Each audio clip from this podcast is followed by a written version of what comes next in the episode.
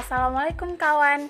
Melalui podcast ini, aku Faiza Deval Novera akan menceritakan tentang future planning yang merupakan sebuah tugas dari kakak-kakak panitia PPLK di tahun 2021. Ngomong-ngomong tentang future planning, sebenarnya aku sempat mengubahnya.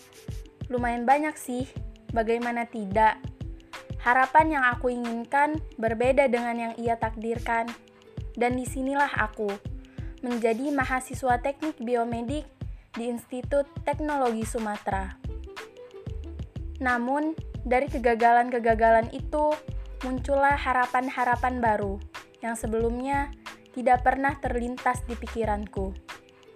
Yang pertama, kubahnya keinginan menjadi seorang apoteker, melainkan menjadi seorang inovator.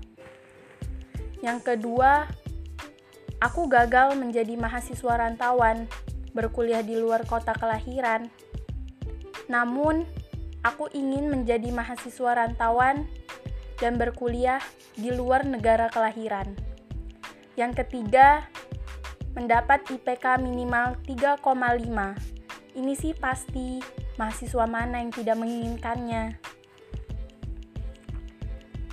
Selanjutnya, keinginan ini sama dengan mahasiswa umum lainnya, yaitu mendapat predikat cum laude ketika wisuda nanti. Berat sih, namun ketika kita berharap kepadanya, apa sih yang tidak mungkin?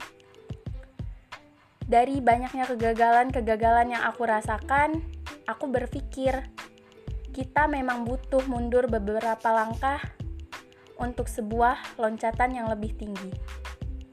Cukup sekian kawan, dilanjut di lain waktu ya. Sampai jumpa.